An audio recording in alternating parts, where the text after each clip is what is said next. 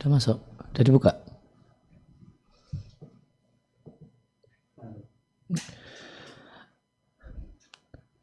Alhamdulillah wassalatu wassalam ala rasulillah wa ala alihi wa sahbihi wa man tabi'ahum bi ihsanin ila yaumidin amma ba'd kaum muslimin dan muslimah rahimani wa rahimakumullah kembali kita lanjutkan kajian fikih mengacu pada fikih dalam madhab syafi'i masih di pembahasan seputar toharah atau bersuci. Tepatnya di pembahasan tentang masalah mandi. Dan mandi ada mandi yang uh, atau kemudian teknis mandi itu ada yang minimalis. Sekedar mengambil wajibnya saja dan ada yang sempurna maka dalam kesempatan malam hari ini kita akan membahas tentang tata cara yang dianjurkan, tata cara yang ideal dan sempurna untuk mandi yang diperintahkan dan disyariatkan.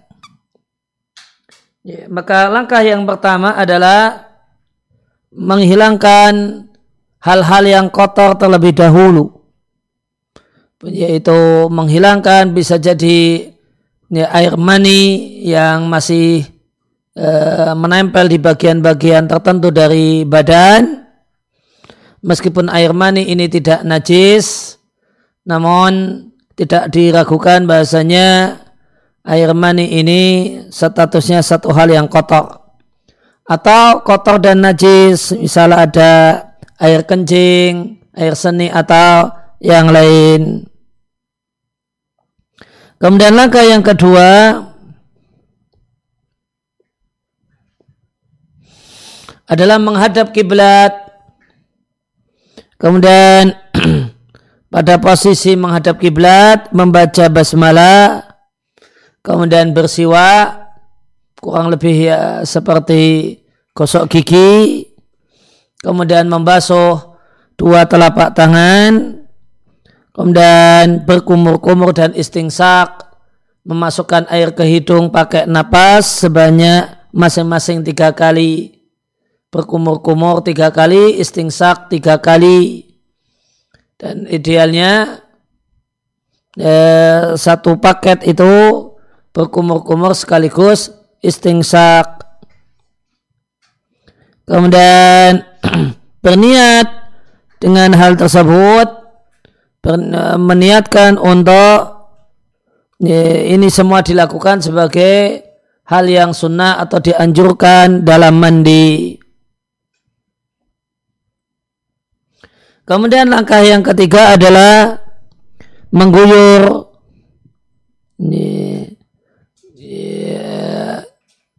ya, mengguyur atau membersihkan farji baik jalan depan ataupun jalan belakang dan daerah sekitarnya dengan niat menghilangkan e, junub dari keduanya atau jika mandi ini adalah mandi yang hukumnya sunnah semacam mandi Jumat, maka pasang niat untuk mengerjakan dan melakukan mandi yang dianjurkan. Kemudian langkah yang keempat adalah wudhu sebelum mengguyurkan air secara total ke seluruh badan. Dan wudhunya ini adalah wudhu yang sempurna, lengkap dengan sunnah-sunnah wudhu. Artinya kembali mengulangi bersiwa, membasuh dua telapak tangan, berkumur-kumur dan istingsak. Kemudian uh, di sini disampaikan di, bukunya disampaikan wa yalzamuhu ayastura indahu sawataihi wajib baginya menutup dua aurat besarnya yaitu jalan depan dan jalan belakang.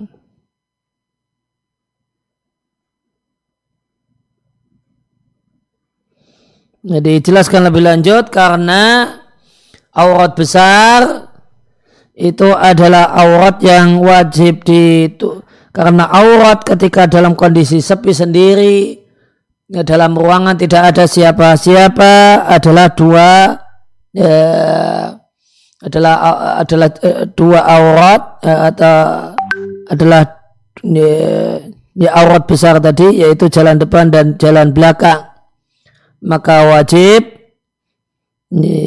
dua hal ini wajib ditutupi ketika berwudu sebelum mandi karena tidak ada kebutuhan membuka keduanya jadi pada saat posisi mandi sebelum mengguyurkan air ke seluruh badan. Di sini disampaikan ada kewajiban untuk menutup aurat besar. Sedangkan aurat yang lainnya, bagian tubuh yang lain yang tergolong aurat, maka itu dianjurkan. Ini tidak wajib, dianjurkan untuk menutupi ya, aurat yang lain. Ya, jadi sehingga pakai basah-basahan itu minimal ya ketika itu pakai ya, ya praktisnya ya, celana dalam karena itu untuk menutupi aurat besar kalau kemudian pakai yang lain eh, itu di sesuatu yang dianjurkan. Kemudian niat pada saat berwudu sebelum meratakan air ke seluruh badan niatnya adalah jika kondisinya adalah kondisi hadas kecil itu ada maka di hati pasang niat menghilangkan hadas namun jika tidak dalam keadaan hadas kecil tidak habis kentut tidak habis kencing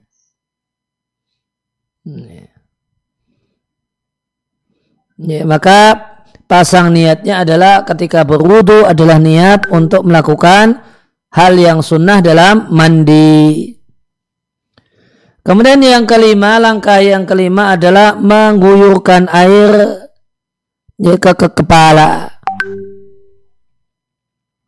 Dan pasang niat di awal guyuran ya, ditujukan untuk bagian tubuh yang lain adalah niat untuk menghilangkan ya, janabah, menghilangkan junub.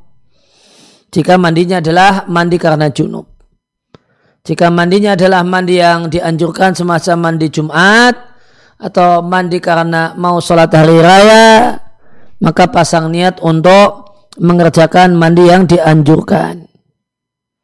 Dan langkah ke keenam memperhatikan dan mengecek lipatan-lipatan badan,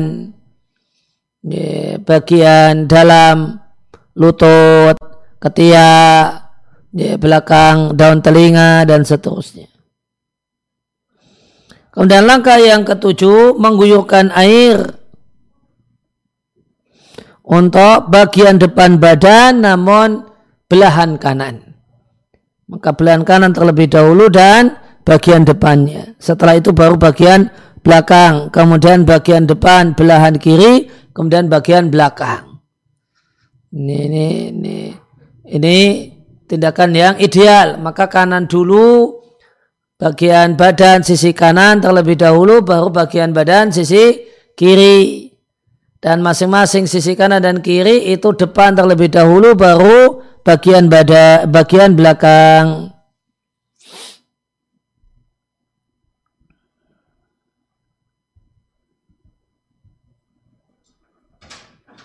Kemudian ada masalah pembahasan. Apa alasan mendahulukan mengguyur kemaluan dengan niat menghilangkan junub ya, atau dengan niat untuk mandi yang dianjurkan? Ya, kenapa saat basuh kemaluan di awal itu sudah ada niat menghilangkan junub? Jawabannya supaya tidak perlu ada kegiatan ya, mengguyur kemaluan dan menyentuhnya saat di tengah-tengah mandi yaitu guyuran air ke seluruh badan. Yang jika megang kemaluan ini berdampak batalnya wudhu. Sehingga nanti ada kewajiban wudhu lagi setelah mandi. Ya, maka supaya tidak perlu wudhu lagi setelah mandi, ya, maka pada saat mandi jangan sampai terjadi hadas kecil dalam bentuk menyentuh kemaluan sehingga kegiatan menyentuh kemaluan dan e, mengguyur dan membersihkan farji itu dilakukan di awal.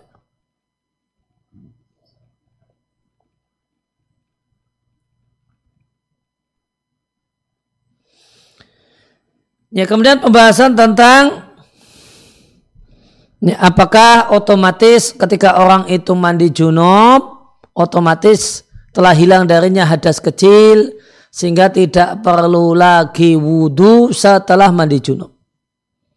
Ini ada dalam pembahasan apakah hadas kecil itu sudah tercakup sudah dan uh, ya hadas kecil itu hilang dengan mandi ataukah tidak?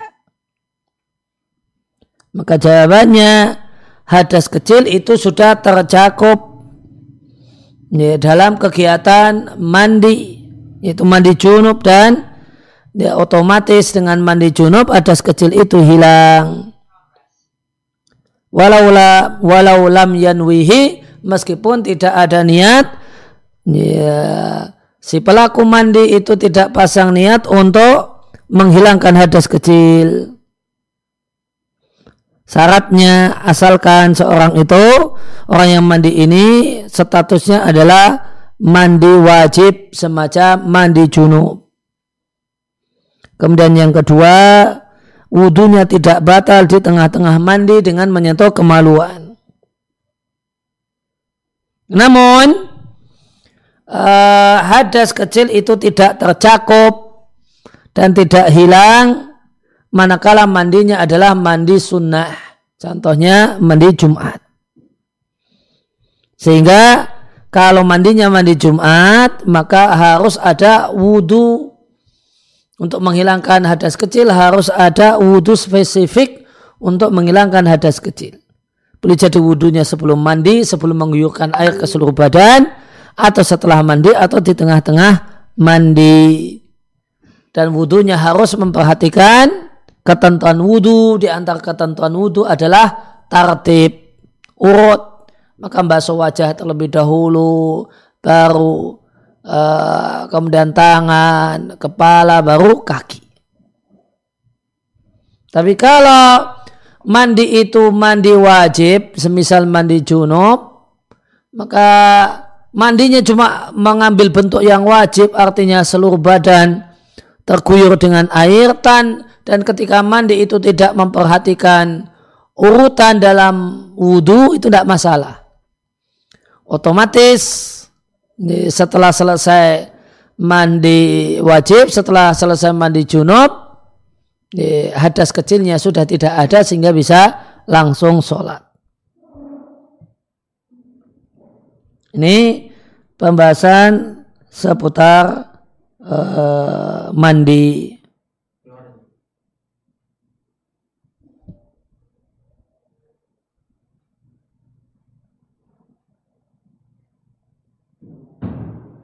Kenapa keluar?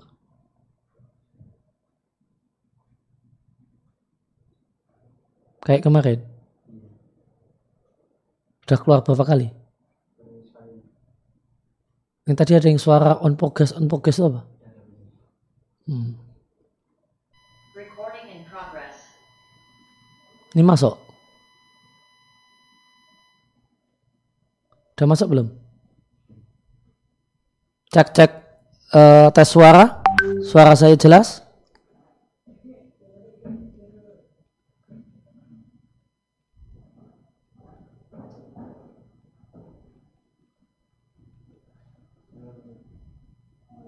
Cek cek, suara saya masuk?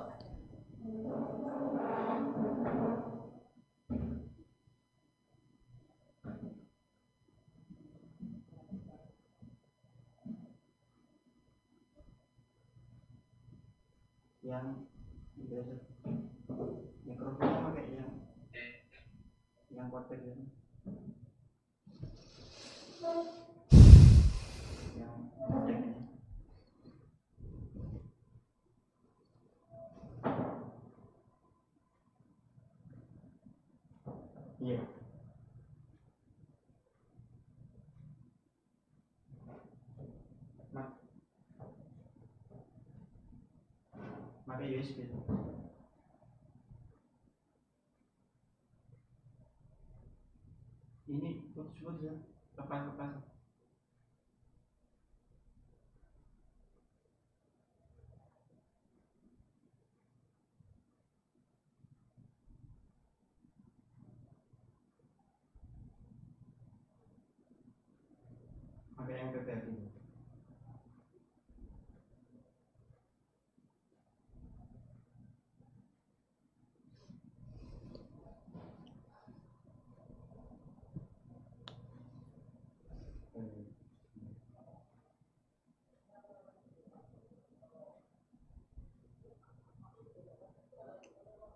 Telepon siapa tuh? Di mana beliau?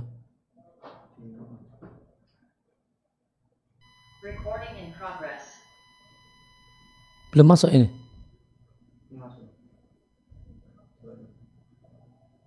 Tes, tes.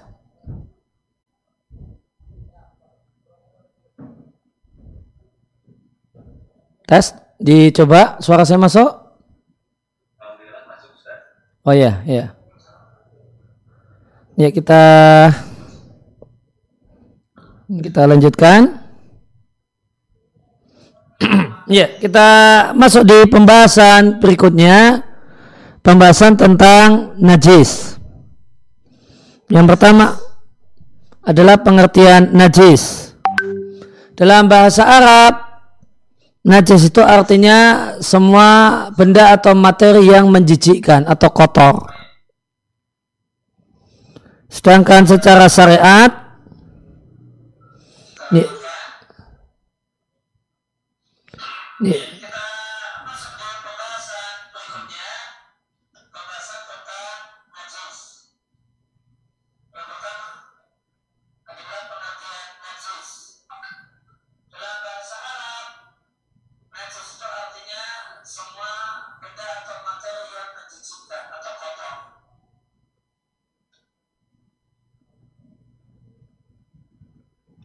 Ya, sedangkan secara syariat pengertian najis adalah semua benda kotor yang menghalangi keabsahan sholat ketika tidak ada udur yang uh, udur yang meringankannya. Maka untuk disebut najis secara syariat itu disyaratkan benda kotor tersebut menghalangi keabsahan sholat. Sehingga benda atau materi kotor namun tidak menghalangi keabsahan sholat. Semacam air liur atau dahak.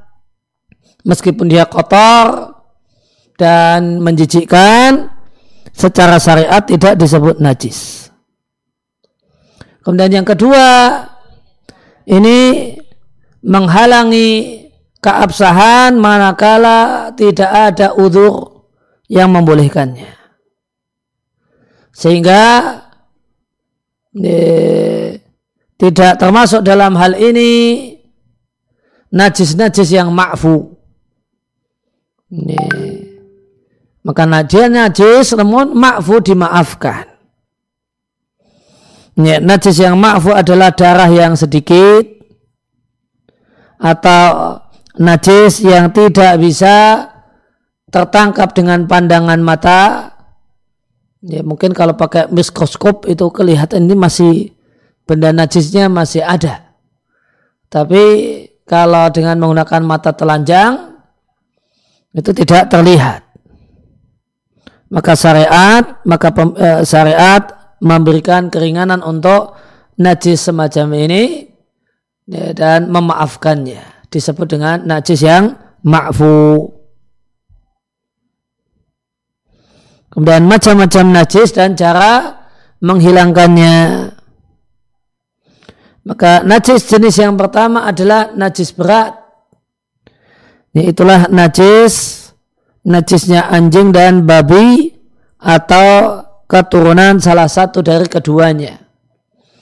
Seandainya kambing bisa dikawinkan dengan hewan yang lain, kemudian punya anak, maka uh, anaknya ini adalah najis ya, sebagaimana ya, salah satu dari induknya. Ya, demikian juga seandainya babi bisa dikawinkan dengan uh, dengan hewan yang lain, maka anaknya itu najis. Karena kaidah fikih dalam masalah ini mengatakan yang namanya turunan itu mengikuti yang paling rendah dari dua induknya dari sisi masalah kenajisan. Maka misalnya dikawinkan ada hewan yang najis dan bukan najis.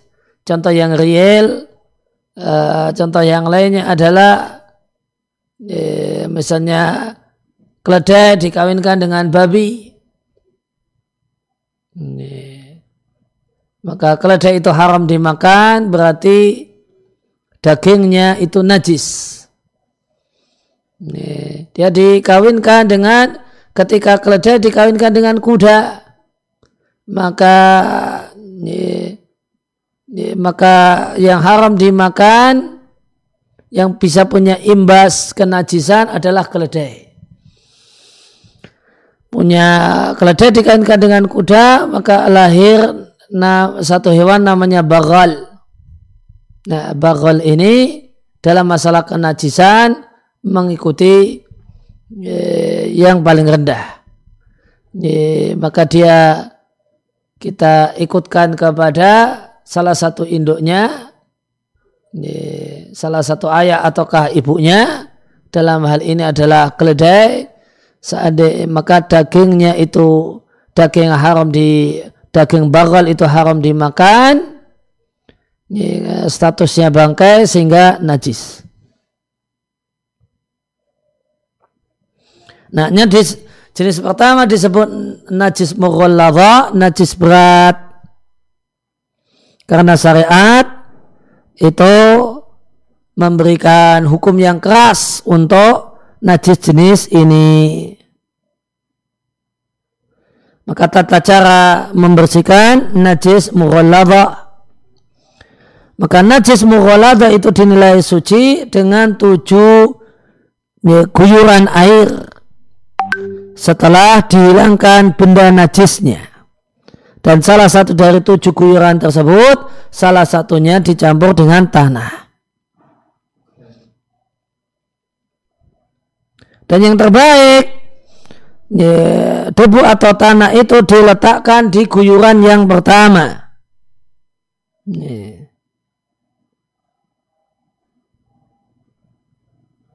Ya, kenapa terbaik? Karena nanti setelah itu akan ada enam guyuran air sehingga e, misalnya ini wadah, ember, maka embernya bersih. Boleh saja tanahnya itu diletakkan di guyuran yang ketujuh. Namun nanti imbasnya ya, setelah guyuran ketujuh selesai ternyata embernya masih kotor karena tanah. Sehingga yang terbaik campuran tanahnya itu di guyuran yang pertama.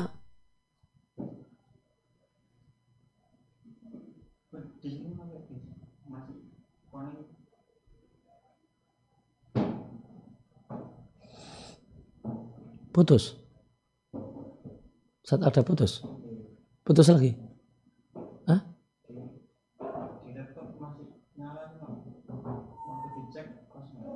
Dicek kosong gimana?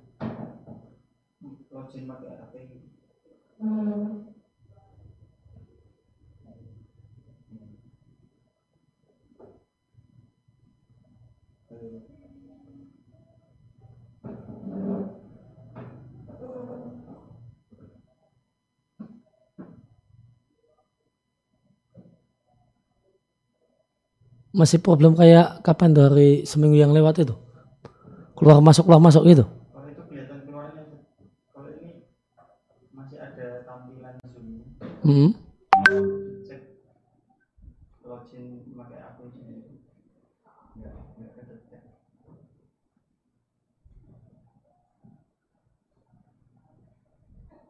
zoomnya udah diupdate belum tuh ada kemarin ada hmm?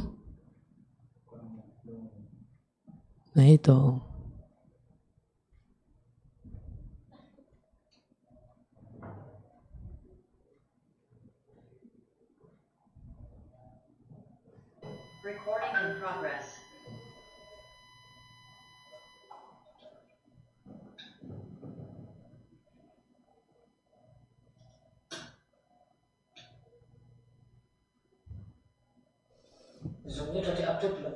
kemarin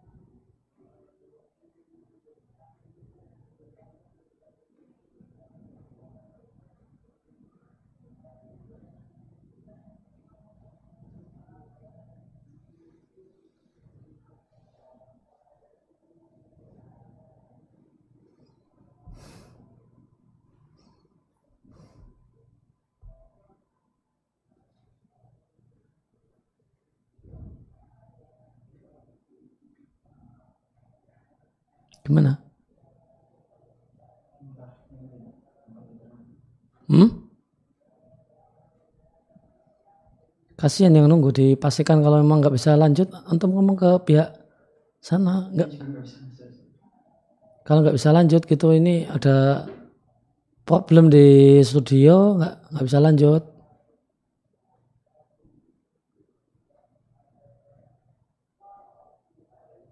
atau gimana gitu jangan, jangan mereka nunggu dokter dokter mereka tuh orang sibuk orang penting.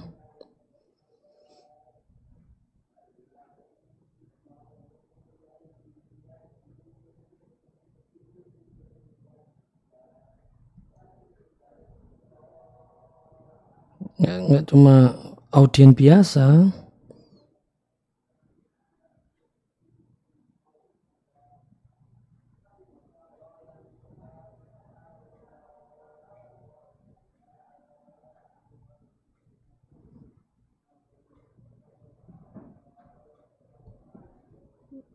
Gimana akan dari Satriswan ini?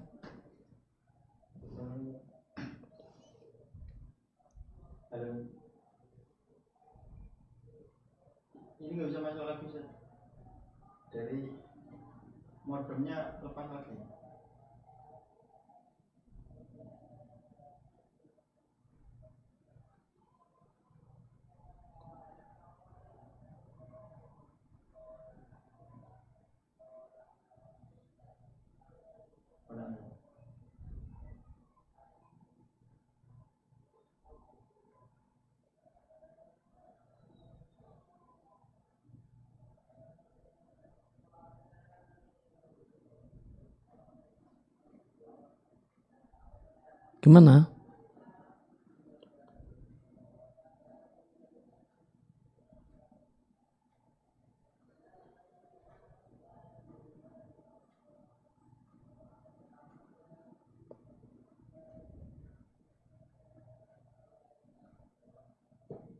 Recording in progress.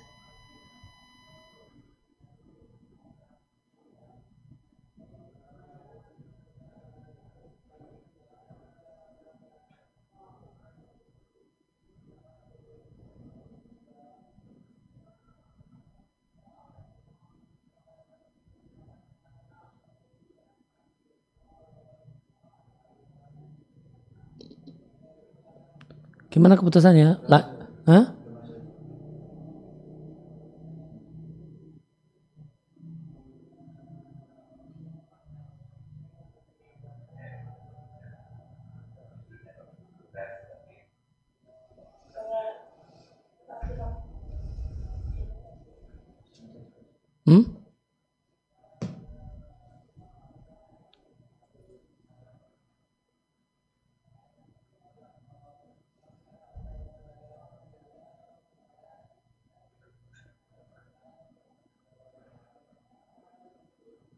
Positif masuk enggak ini?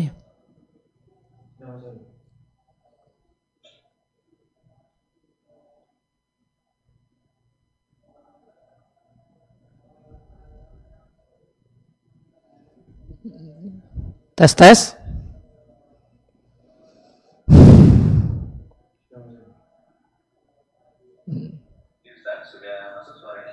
Oh ya, Oh, ini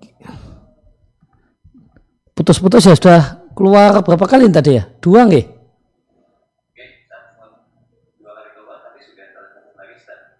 Hmm.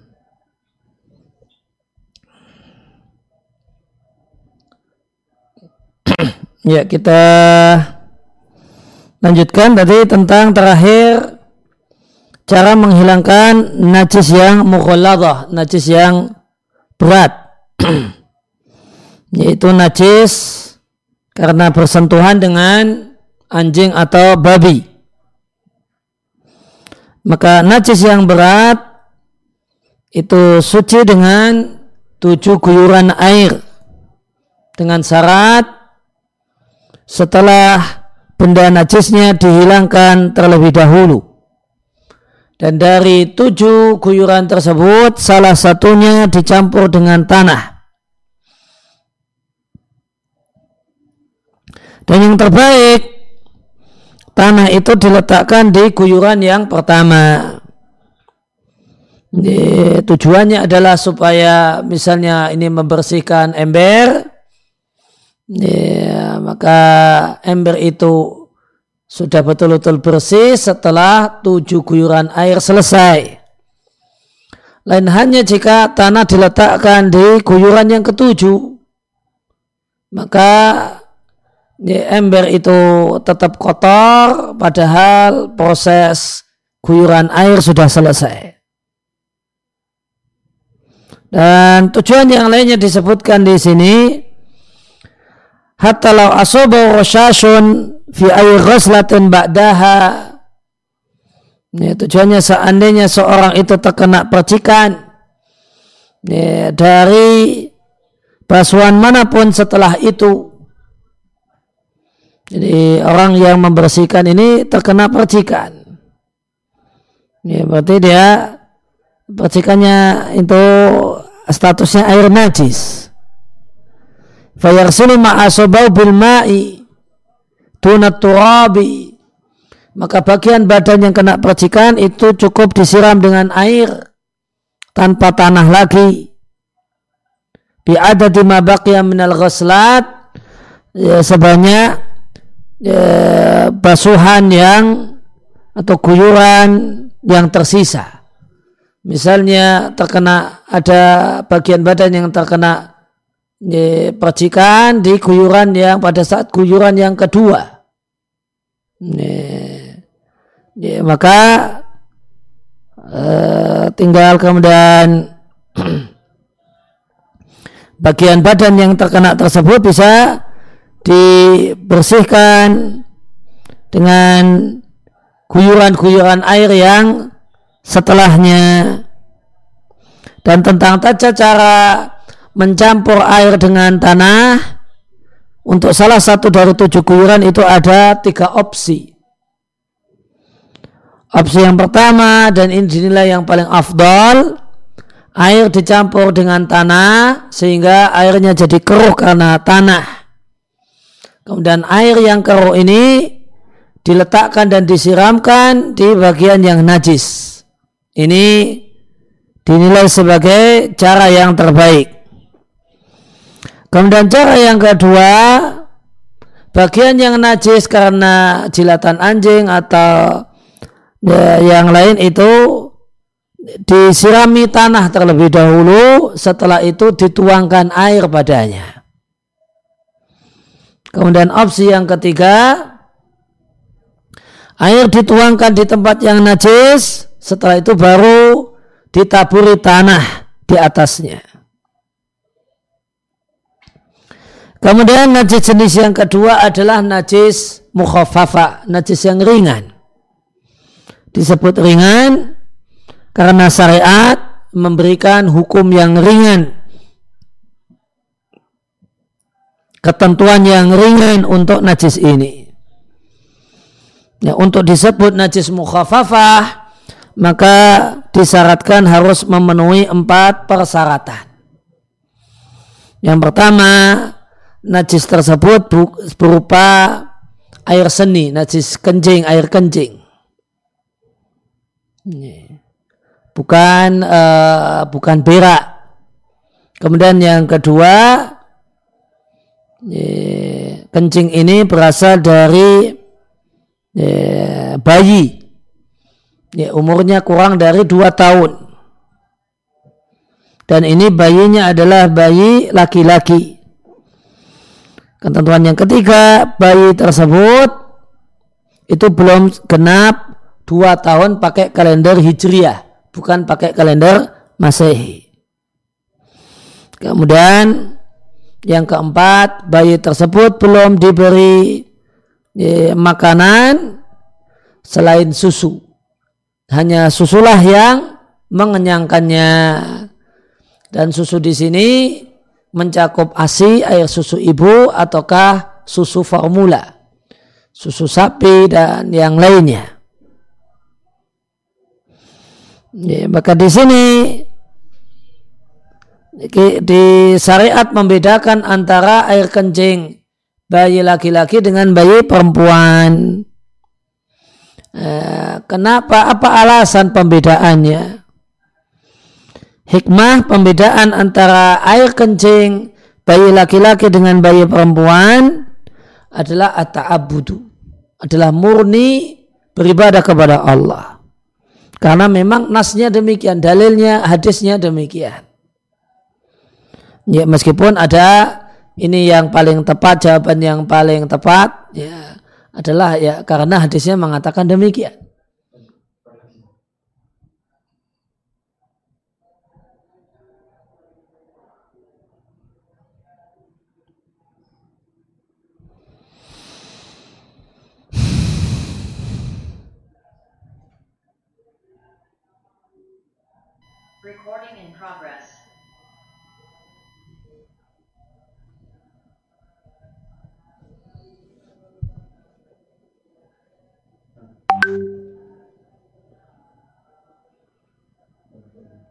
Cek cek, dah masuk lagi, dok. Uh, atau ini eh, coba kalau dibuka sesi tanya jawab saja kali daripada ini, ini, ngomong terputus nggak nyaman ya. Balik terputus. Ini kalau